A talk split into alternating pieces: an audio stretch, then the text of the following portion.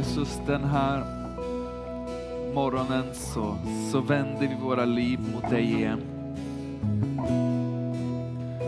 Med en längtan efter att få, få höra dig tala, med en längtan efter att få förnimma hur, hur ditt ord andas liv in i våra liv, med en längtan efter att få få uppleva hur, hur verkligheten på något sätt får, får dina proportioner, hur, hur bergen börjar krympa tillbaka och hur djupen börjar resa sig. Inte nödvändigtvis för att allt i ett ögonblick blir bra, men för att vi igen lyfter blicken och fäster den på dig. Jesus, den här dagen så, så behöver vi få möta dig igen.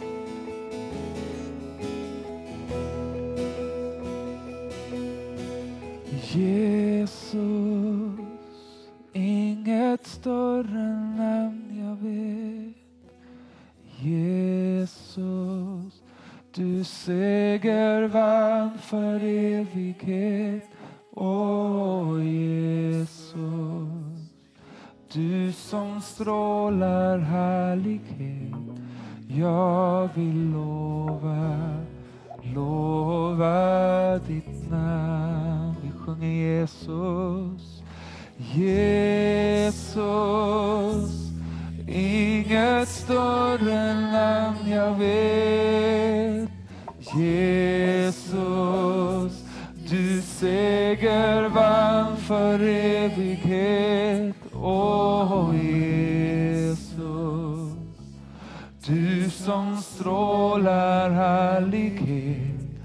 Jag vill lova, lova ditt namn. En gång till vi sjunger Jesus. Jesus, inget större namn jag vet.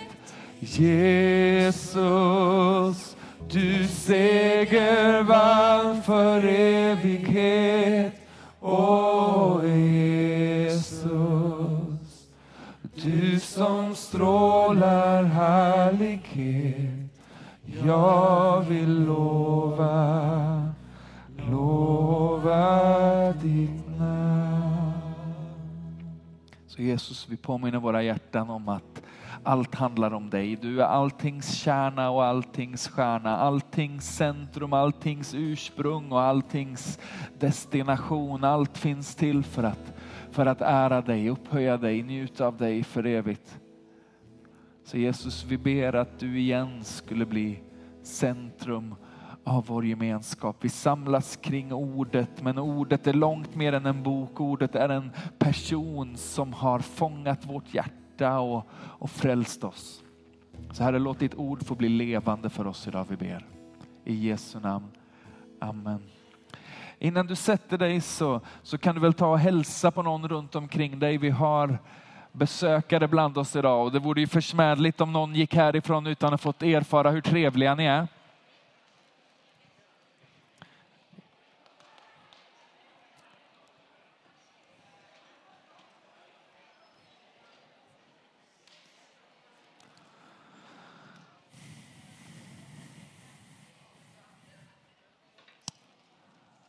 Bra. Det gjorde ni bra. Jättefint. Linus, har du lust att skifta?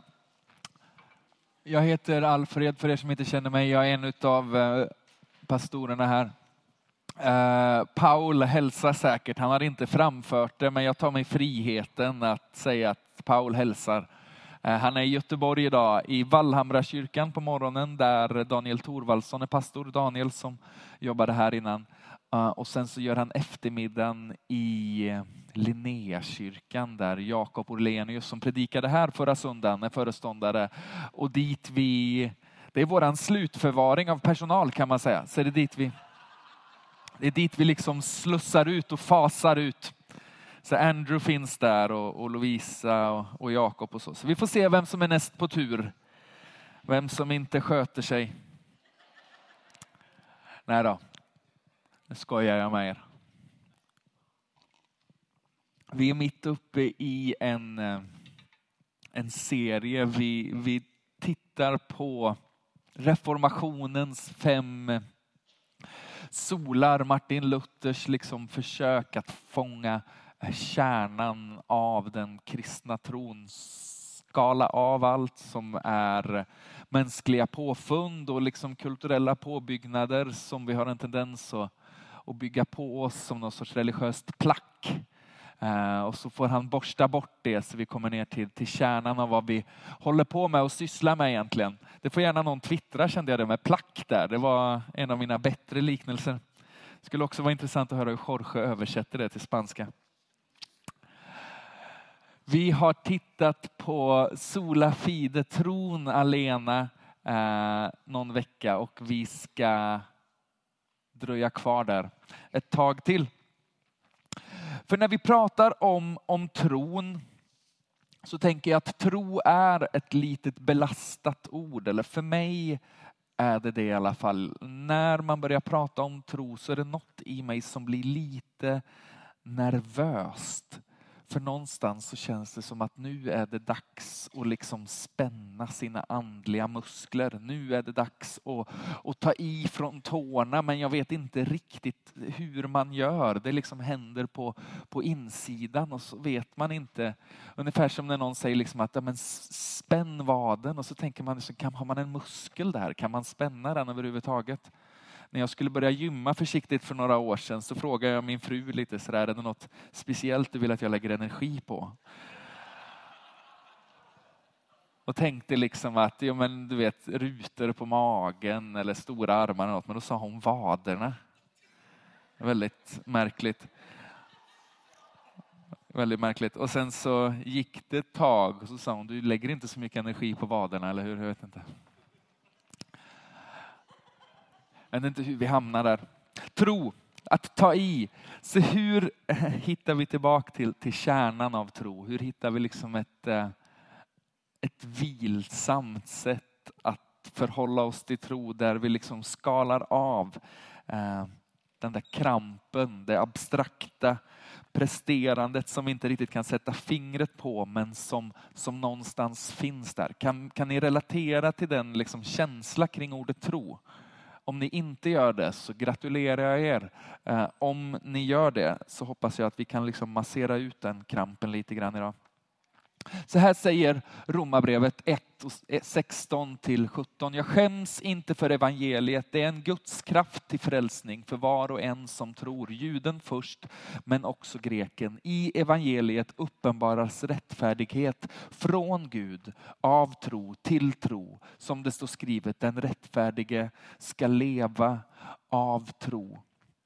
Det här är är versen som på många sätt sparkade igång hela reformationen. Det var det här Martin Luther satt och läste och, och kände att det fanns ett väldigt liksom stort system av, av gärningar och prestation och, och, och hela det där paketet. Och så är det någonting som liksom trillar på plats när han läser det här och inser att det är Guds kraft till frälsning. Det är någonting som, som ges till oss. Det är ingen muskel vi spänner utan någonting som vi på något sätt lutar oss in i. Han formulerade sig så här. Den sanna tron söker inte syndernas förlåtelse i det egna hjärtats inre skrymslen, i känslor, drömmar, andliga upplevelser och liknande ting. All vår rättfärdighet måste sökas utanför oss. Endast där förenas en syndare med den uppståndne Kristus och får del av hans saliga rättfärdighet. Inte så tokigt, eller hur? Rättfärdighet från Gud, tron som en gåva tillgänglig för alla men ännu inte mottagen av alla.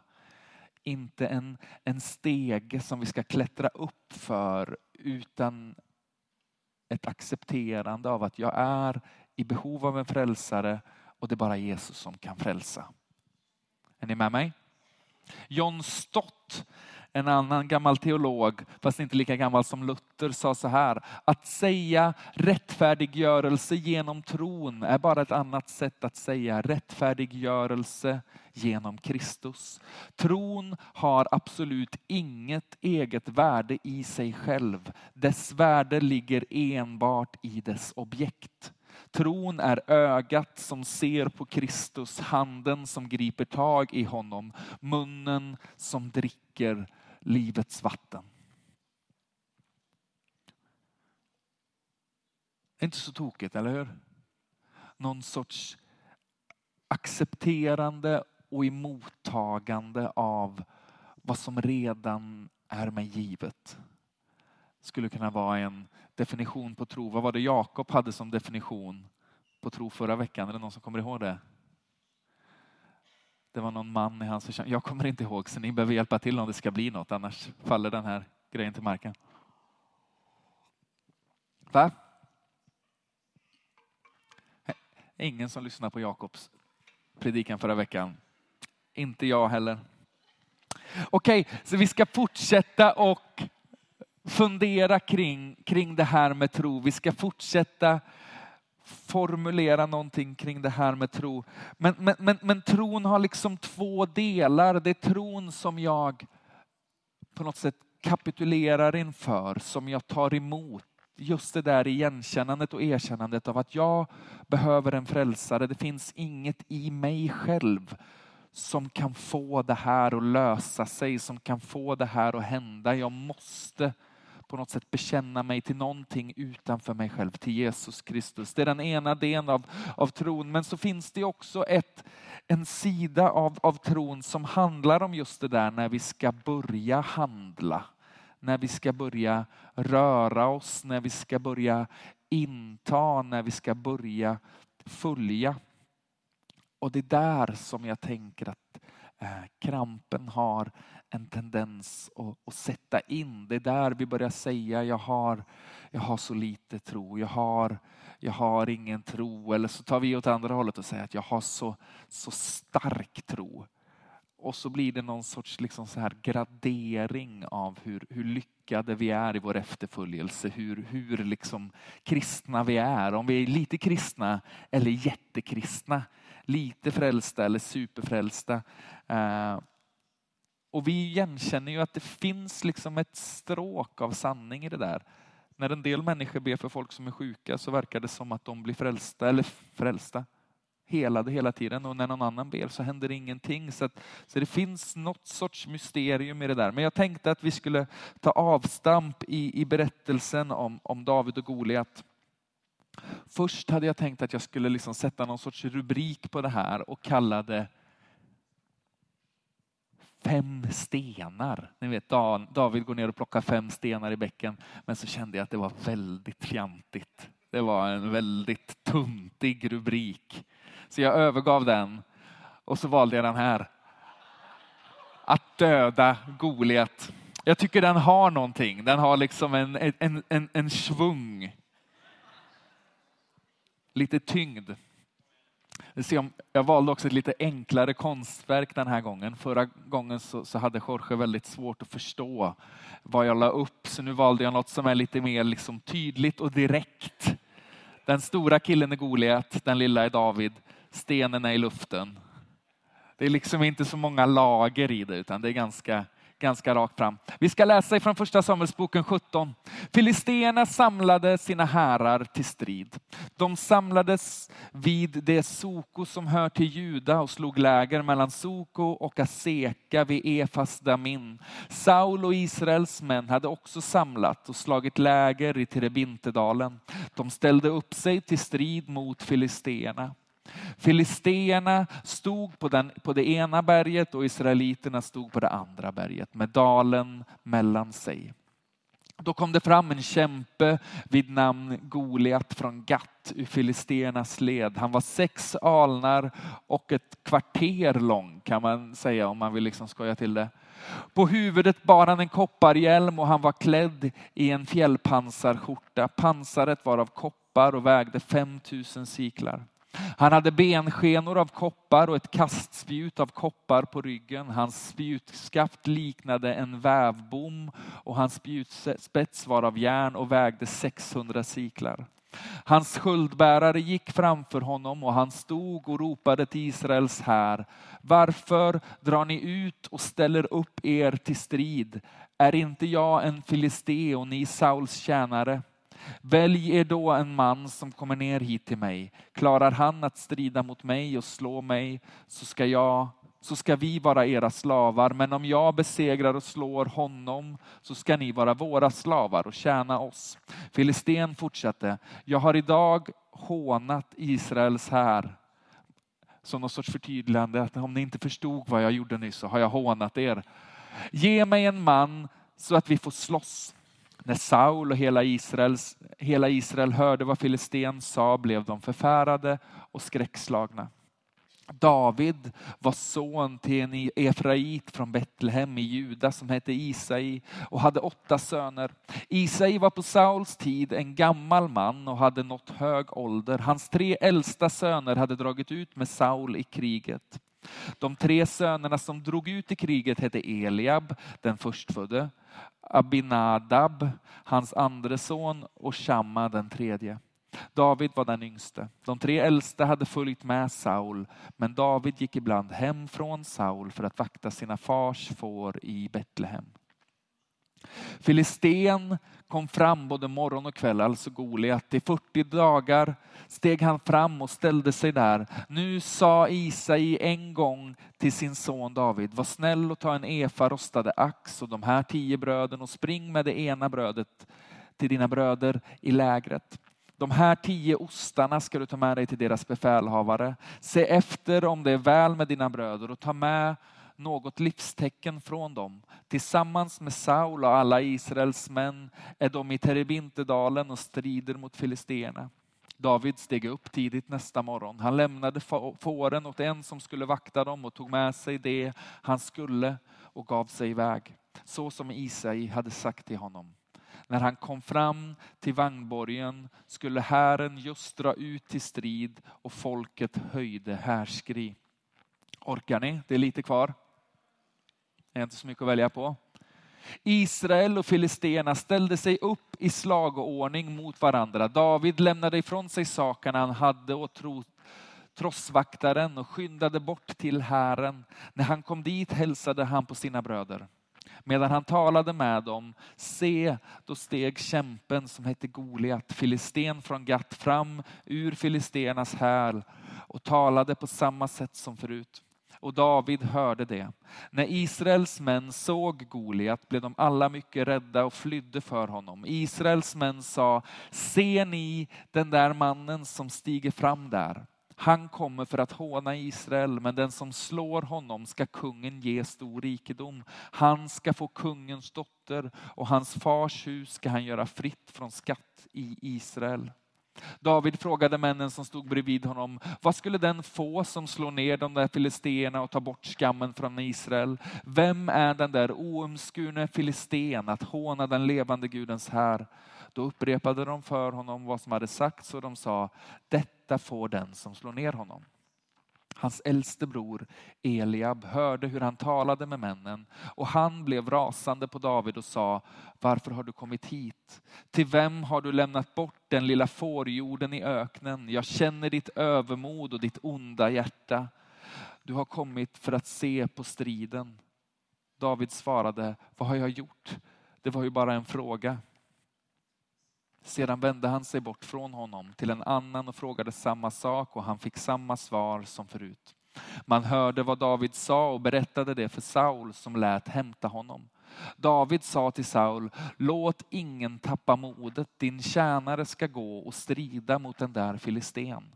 Saul sa till David, inte kan du gå och strida mot den där filisten, du är ju bara en pojke och han har varit krigare ända från ungdomen. Men David svarade, din tjänare har gått i vall med sin fars jord. Kom ett lejon eller en björn kom det ett lejon eller en björn och tog ett får ur jorden så följde jag efter vilddjuret och slog ner det och räddade fåren ur munnen på det. Om vilddjuret då reste sig mot mig så grep jag det i manen och slog det och dödade det. Din tjänare har slagit både lejon och björn. Det ska gå det ska gå den där oomskurne filisten som det gick vartenda ett av djuren, för han har hånat den levande Gudens här. Vi är snart klara. David sa vidare, Herren som räddade mig från lejon och björn, han ska också rädda mig från den där filisten. Då sa Saul till David, gå och må Herren vara med dig. Och Saul klädde David i sina egna kläder och satte en kopparhjälm på hans huvud och satte på honom ett pansar. David band Sauls svärd om sig utanpå kläderna och försökte gå med det, för han hade aldrig provat något sådant. Men David sa till Saul, jag kan inte gå med det här, för jag är inte van vid det. Så tog han av sig det. Han tog, med, han tog sin stav i handen, valde ut åt sig fem släta stenar ur bäcken, lade dem i fickan på sin herdeväska och tog sin slunga i handen. Så gick han mot Filisten. Samtidigt gick Filisten framåt och kom allt närmare David och hans sköldbärare gick framför honom. När Filisten såg upp och fick se David föraktade han honom, för David var bara en pojke, rödkindad och vacker. Han sa till David, tycker du jag är en hund eftersom du kommer emot mig med käppar? Och han förbannade David vid sina gudar. Sedan sa filisten till David, kom hit till mig så ska jag ge dig ditt kött åt himlens fåglar och markens djur. David svarade filisten, du kommer mot mig med svärd och spjut och kastspjut, men jag kommer mot dig i Herren Sebaots namn. Han är Gud för Israels här som du har hånat. Herren ska idag utlämna dig i min hand och jag ska slå ner dig och ta huvudet från dig. Jag ska idag ge de filisteiska krigarnas lik åt himlens fåglar och åt jordens vilda djur och hela världen ska förstå att Israel har en Gud. Alla som samlats här ska förstå att det inte är genom svärd och spjut som Herren räddar. Striden är Herrens och han ska ge er i vår hand. När, du, när nu Filisten gick framåt och närmade sig David sprang David snabbt fram mot Herren för att möta Filisten. David stack sin hand i väskan och tog fram en sten ur den, slungade den och träffade filisten i pannan. Stenen trängde in i pannan och han föll med ansiktet mot jorden. Så övervann David filisten med slunga och sten och dödade honom utan något svärd i sin hand. Sedan sprang David fram och ställde sig över filisten, grep tag i hans svärd och drog ut ur skidan och han gav honom dödsstöten och högg av honom huvudet. När filisterna såg att deras kämpe var död så flydde de. Men Israel och judamän bröt upp, höjde ett härskri och förföljde filisterna ända tills man närmade sig Gai och ända till Ekrons portar. Filisterna föll och låg slagna på vägen till Sahariaim och sedan ända till Gat och Ekron. Sedan vände israeliterna tillbaka från jakten på filisterna och plundrade deras läger. David tog filistens huvud och förde det till Jerusalem, men hans vapen la han i sitt tält.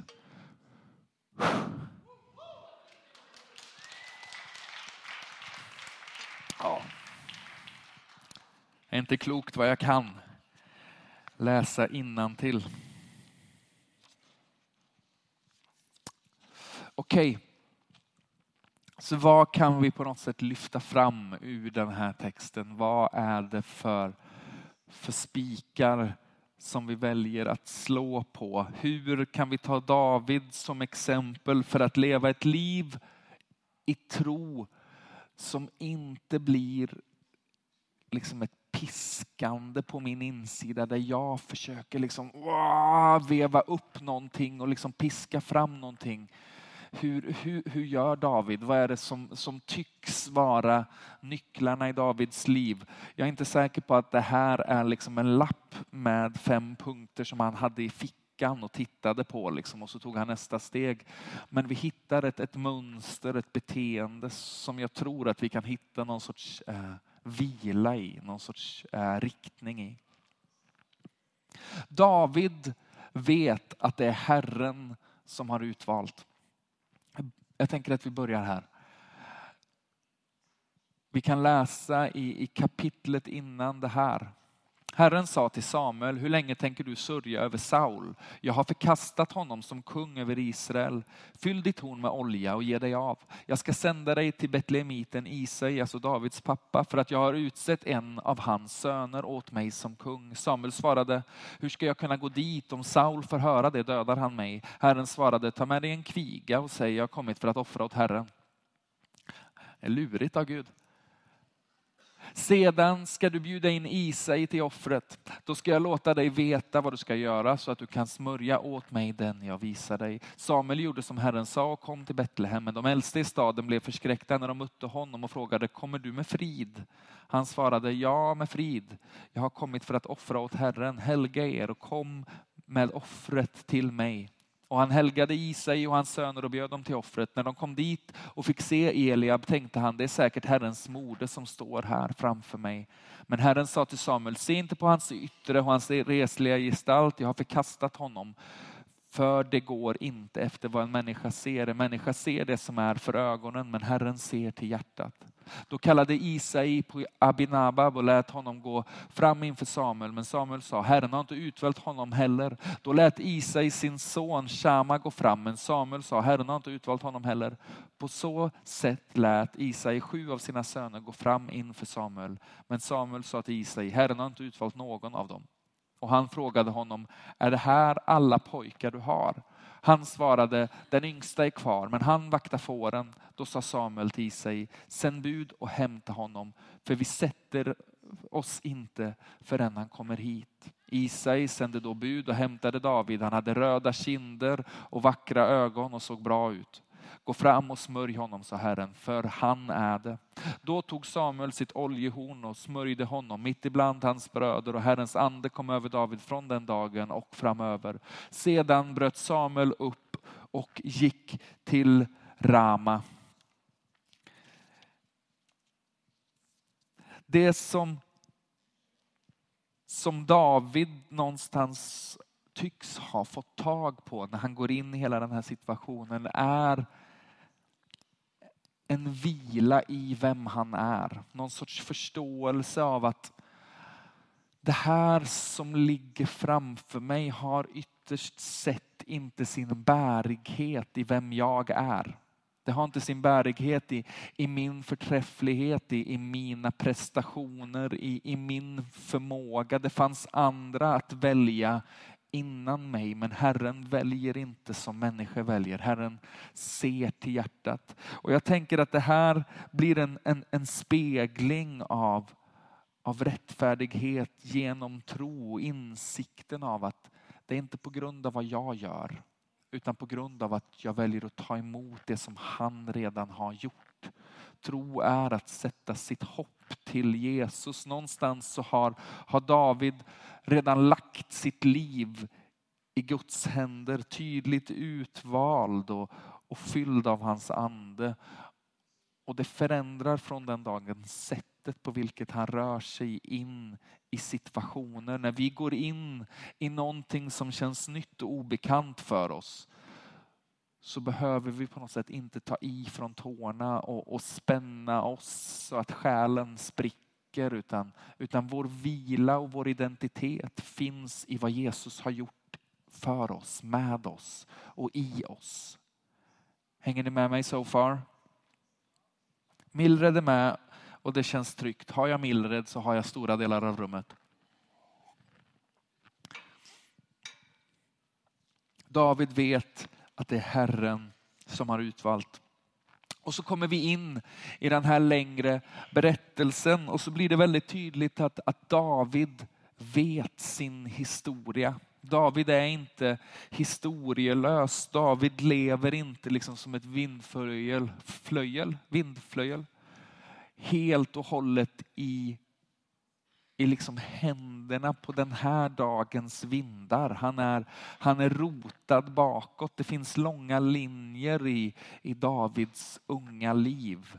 Hans liksom sätt att närma sig sina omständigheter är inte en reaktion på vad som händer runt omkring honom utan är rotat bakåt i hans historia. För vi läste ju det här, David sa till Saul, den lilla pojken säger till den stora krigarkungen, låt ingen tappa modet. Din tjänare, alltså han själv, ska gå och strida mot den där filisten. Och Saul sa till David, inte kan du gå och strida mot filisten, du är bara en pojke. Och han har varit krigare ända från ungdomen, men David sa, din tjänare har gått i vall med sin fars jord. Kom det ett lejon eller en björn och tog ett får ur jorden, så följde jag efter vilddjuret och slog ner det och räddade fåret ur munnen på det. Och vilddjuret, om vilddjuret då reste sig mot mig så grep jag det i manen och slog det och dödade det.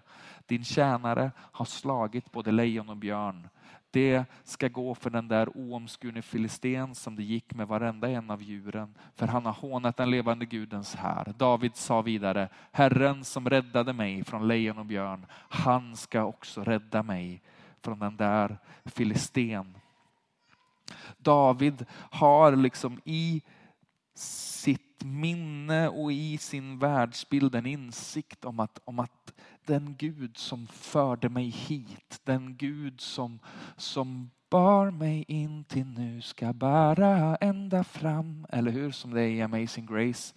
Någon sorts insikt om att om han har varit trofast till den här punkten så varför skulle han inte förbli trofast? Omständigheterna kanske har på något sätt skalats upp det som förut var lejon och björn är nu en, en stor, liksom, hånande, blodtörstig liksom, jättefigur. Men allt jämt så har Gud visat sig trofast. De långa linjerna i mitt liv är att han går att lita på. Så det David tar med sig in i sin strid är sin historia med Gud. Någon sorts vägran att bli historielös. Och så blir frågan till, till oss, frågan blir till, till mig och frågan blir till dig. Vad är din historia? Och då pratar jag inte bara om att kunna dela sitt vittnesbörd på liksom 30 sekunder. Utan vad är din, din resa med Gud? Vad är de långa linjerna i ditt liv? Även om du är ung. För i liksom historien med Gud så finns det också hopp att hämta i de omständigheter som du står inför. Det kanske inte finns liksom ett likadant exempel. Förra gången jag skulle döda en jätte så gick det bra. Men någonstans liksom en, en, en, en konsekvent liksom, eh, bild av att Gud hela tiden har, har varit med, hela tiden har, har burit, hela tiden har har svarat upp mot den som han, han påstår att han är. Inte alltid den tiden jag vill, inte alltid exakt på det sättet som jag hade hoppats på, men med facit i hand så kan jag se att hela vägen går han med mig. Eller hur? Någon sorts känsla av att han har inte släppt mig, han har inte övergivit mig. David vet sin historia och det påverkar hur han ser på det som ligger framför honom. Förstår ni mig? Nästa grej. David bär sin egen rustning. Behöver vi läsa texten? Den här var inte så lång så vi kan läsa den här. Och Saul klädde David i sina egna kläder och satte en kopparhjälm på hans huvud och satte, honom, satte på honom ett pansar. David band Sauls svärd om sig utanpå kläderna och försökte gå med det, för han hade aldrig provat något sånt. David sa till Saul, jag kan inte gå med det här för jag är inte van vid det. Så han tog av sig det. Han tog sin stav i handen och valde ut fem släta stenar i bäcken, lade dem i fickan på sin herdeväska och tog sin slunga i handen. Så gick han fram mot Filisten. Det finns en, en tendens i, i allt som vi gör att, att bli härmande istället för efterföljande. En tendens att börja bete sig som andra människor, som att, som att nyckeln till det genombrott som jag längtar efter eller nyckeln nyckeln till det bönesvar som jag på något sätt har, har bett över under en längre tid finns i, i, i liksom mina yttre attribut. Att jag börjar föra mig som andra människor och så, och så börjar alla helt plötsligt liksom, eh, jag vet inte, klä sig som Paul eller någonting. Tänk hur det hade blivit om man tänkte att det är där i det sitter, i att man får tag i en sån eh, eh Lacoste-tröja och då, liksom, så, då lossnar det, då kommer mina bönesvar, då börjar det hända. Och det låter löjligt när man säger det, men, men, men, men vi märker att vi har den tendensen. Vi börjar låta ungefär likadant när vi ber, vi rör oss lite samma när vi tillber, vi, vi suckar på samma sätt. Åh Jesus, Jesus. Ja, men ni vet hur vi, hur vi faller in i ett mönster och vissa delar av det är bara liksom att man blir som man umgås. Eh, jag är själv väldigt förväntansfull på om jag kommer bli som Helen, min fru, eller om hon kommer bli som mig. Det känns, eh, vi får hoppas att vi möter på mitten på något sätt, för ingen av ytterligheterna känns så roligt för den andra av oss. Men David bär sin egen rustning. Saul i all välmening försöker på något sätt stöpa honom i sin egen form, ge honom sina egna goda förutsättningar. Och det är inget fel på avsikten och det är inget fel på prylarna. Det är inte där skon klämmer, men, men det är inte gjort för David. Det är inte gjort för hans volym, hans kapacitet, hans historia med Gud. Det är inte vem han är när vi möter omständigheter som är obekanta för oss så kan vi nog på något sätt vila i att om inte Gud tydligt säger någonting annat så fortsätter jag att vara den han har kallat mig till att vara på det sätt som jag upplever att han har format mig till att vara. Och så är, så är jag lydig och trogen förvaltare av, av det pundet in i det som Gud leder mig in i. Vi behöver bära vår egen rustning. Det finns en, en, en, en utmaning där i alla liksom kristna sammanhang att, att våga inte flyta med strömmen på ett negativt sätt. Att våga inte bli liksom kulturellt lik, likriktad, att inte bli samma. Utan att säga det här är vem Gud har, har kallat mig till. För ytterst sett så sitter sitter det inte i mitt yttre utan i hjärtat. Det är det som, som Gud såg när han utvalde David, eller hur? Det är det som Gud på något sätt hade blicken på. Så om vi börjar förflytta vår, vår tillit från, från, från liksom hjärtats hållning inför Gud till, till mina yttre förutsättningar så är vi ute på, på en lite skakig väg. Förstår ni vad jag far efter? Snälla ni är. David ser med trons ögon. Här är det ju en sån här fras som kan bli lite krampaktig. Ja, jag ser med, med trons ögon och så är det liksom som att jag eh, försöker låtsas att liksom, jag har koll på läget, jag förstår hur det funkar. Men, men när David gör det så tycks det vara kopplat till lejonet och björnen, tills han, till hans historia med Gud. För han säger så här, Filisten sa till David, tycker du jag är en hund eftersom du kommer mot mig med käppar? Och han förbannade David vid sina gudar. Sedan sa David, Filisten till David, kom hit till mig så ska jag ge ditt kött åt himlens fåglar och markens djur. David svarade Filisten, du kommer mot mig med svärd och spjut och kastspjut, men jag kommer mot dig i Herren Sebaots namn. Han är Gud för Israels här som du har hånat. Herren ska idag utlämna dig i min hand och jag kan slå ner dig och ta huvudet från dig. Jag ska idag ge de filisteiska krigarnas lik åt himlens fåglar och åt jordens vilda djur och hela världen ska förstå att Israel har en Gud. Alla som samlas här ska förstå att det inte är genom svärd och spjut som Herren räddar. Striden är Herrens och han ska ge er i vår hand. Vi, vi pratar ganska mycket i termer om eh, livets träd och, och, kunskapens träd här. Det har liksom blivit ett, ett språk som, som, som vi känner oss eh, hemma i. Eh, livets träd, eh, det som Gud har, har avsett, det som Gud har, har gett till oss. Det som, som är att, att leva efter Guds vilja i lydnad inför Gud och kunskapens träd när jag på något sätt tar över ratten och säger att jag kör bilen nu. Det är jag som, som bestämmer nu. Jag kan själv. Jag vet själv.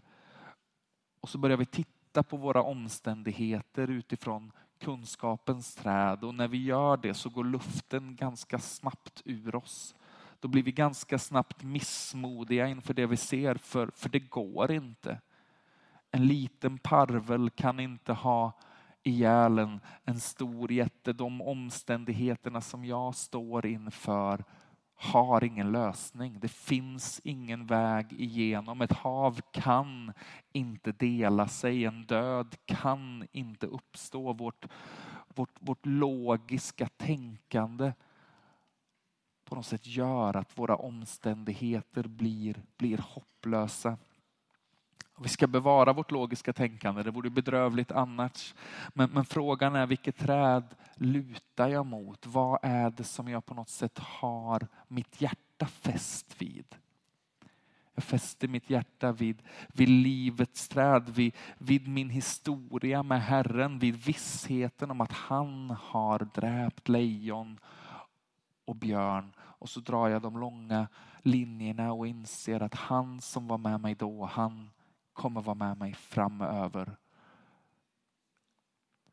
Och så börjar vi se på våra omständigheter med trons ögon som inte är liksom en uppbrustad, krampaktig, liksom, nu ska jag på något sätt pumpa upp mig själv tills jag får mitt bönesvar, utan snarare en kapitulation. Säga att det kommer inte ske genom min kunskap och min förståelse utan genom att jag väljer att lita på Herren. Genom att jag väljer att, att lägga mitt huvud mot hans bröst som Johannes. Genom att jag väljer att, att tro att nåden räcker, att Jesu blod min synd och skuld helt täcker. Eller hur?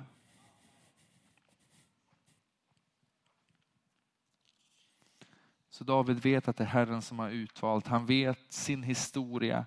Han bär sin egen rustning. Han ser sina omständigheter med trons ögon. Och David fortsätter att samla ny historia. Jag vet inte om man kan säga så, det kändes som en helt ny mening, men jag kom inte på något smartare sätt att formulera det. Jag ska visa vad jag menar. När filisterna såg att deras kämpe var död så flydde de.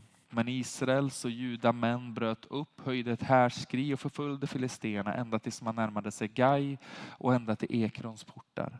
Filisterna föll och låg slagna på vägen till Saharajim och sedan ända till Gat och Ekron. Sedan vände israeliterna tillbaka från jakten på filisterna och plundrade deras läger. David tog filistens huvud och förde det till Jerusalem, men hans vapen la han i sitt tält.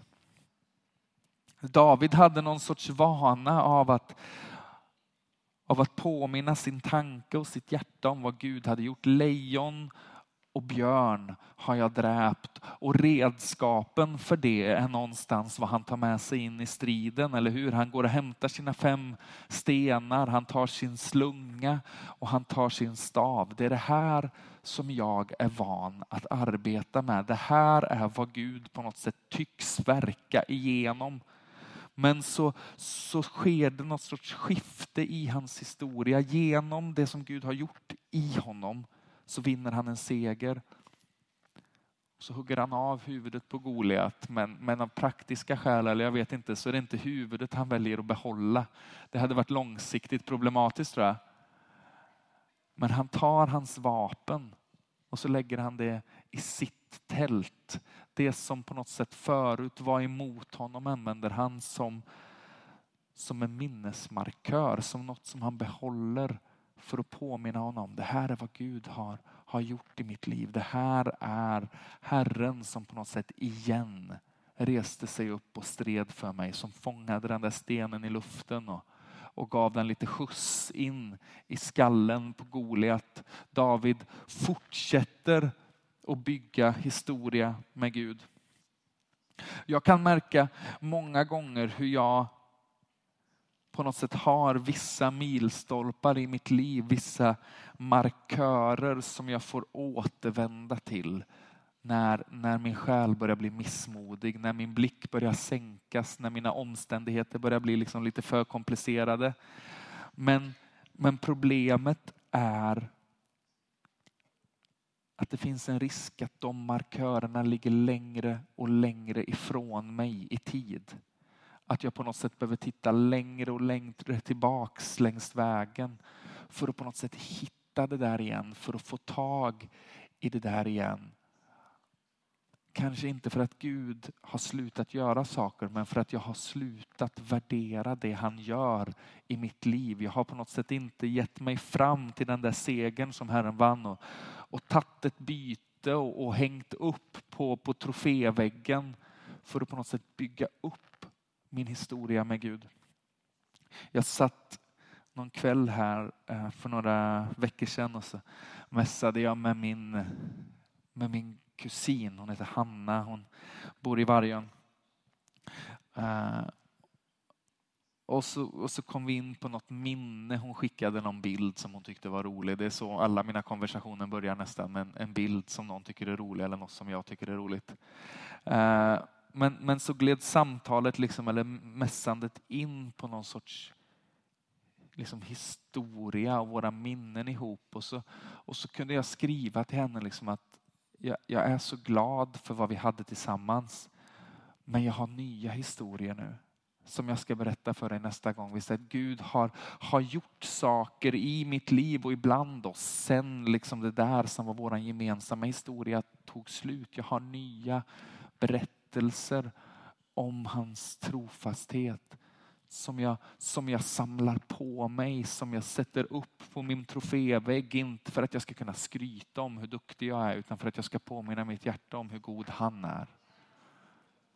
För jag behöver den väggen, jag behöver det rummet att gå in och titta på för att påminna mig själv om att det jag står inför nu kan tyckas hopplöst, men när jag ser med trons ögon på vad han har gjort, när jag fäster blicken på vad han har gjort så ser jag också på något sätt lösningen på det som, som ligger framför mig.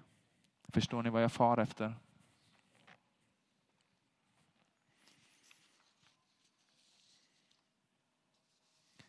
Vi försöker få igång någon sorts rörelse med det här i församlingen. Vi, vi skapade en, en, en mailadress för några år sedan som är amen1, alltså snabbla cks.se där vi bara liksom önskar att människor skulle skicka in sina vittnesbörd om vad Gud gör i deras liv. Teckna ner på en rad eller två eller tio. Det här är vad Gud gjorde i mitt liv. Det här är det bönesvaret jag fick. Det här är hur jag upplevde att, att det som jag stod inför fick böja knä inför Jesus. För att på något sätt bygga våran gemensamma trofévägg för att fylla liksom perm efter perm med berättelser om hans godhet. För det finns stunder när inte mina egna berättelser riktigt räcker till. Så får jag ta tag i någon annans vittnesbörd och läsa det. Och så gör det något med min tro och hur jag ser på mina omständigheter. Vi hade en sån grej förra söndagen för er som var här. Eh, Ola var uppe och, och vittnade om en kvinna som har blivit helad i höften. Va? Eller var det du som gjorde det? Helad i höften Gud gjorde någonting i stunden och sen så eh, kom det fram en kvinna under förbönen, också höftsmärta och så gjorde Gud någonting i hennes liv. Hon fick på något sätt se det Gud hade gjort för någon annan och tänka att det där kan hända för mig också. Orkar ni?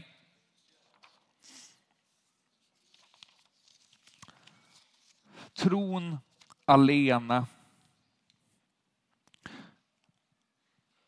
Allt handlar om Jesus. Allt handlar om, om honom. Allt handlar om att, om att på något sätt våga låta mitt hjärta tro att han är den han påstår att han är. Jag har en sån tendens i mitt liv att ta tillbaka ratten. Jag har en sån tendens att, att möta mina omständigheter på mitt eget sätt. Eller ännu värre på någon annans sätt. Men tron inbjuder oss att på något sätt inse att det handlar inte om att jag ska liksom piska upp något i mig själv utan snarare våga lita på att han är den han säger att han är. Jag tänker att det kanske är det där som Jesus far efter när han säger att det räcker med tro stort som ett senapskorn för att tala till berget och säga att det ska kasta sig i havet. Det handlar inte om liksom mängden jag kan uppbringa i mig själv utan om vem jag fäster den mängden på. Jag tror att många av oss här har en tendens att dra oss bort från, från stridens hetta, bort från vår kallelse, bort från det som Gud har gett oss och lagt i oss på grund av rädsla. Rädslan som uppstår när tron är en inre motor som jag ska veva igång i egen kraft istället för ett lutande mot vem Jesus är och vad Jesus har gjort. Jag tror att Jesus vill kalla en del av oss från att se på omständigheterna runt om oss med fruktan och mänsklig vishet till att fästa blicken på Jesus. Trons upphovsman och fullkomnare. Allt handlar om Jesus. Allt kommer alltid handla om Jesus. Allt har alltid handlat om Jesus. Inte om, om dina prestationer, inte om din dagsform, inte om hur liksom nära du känner dig eller hur långt bort ifrån du känner dig utan om vem han är. Det finns säkert mer att säga, men det finns inte mer tid att säga det på. Ska vi stå upp tillsammans?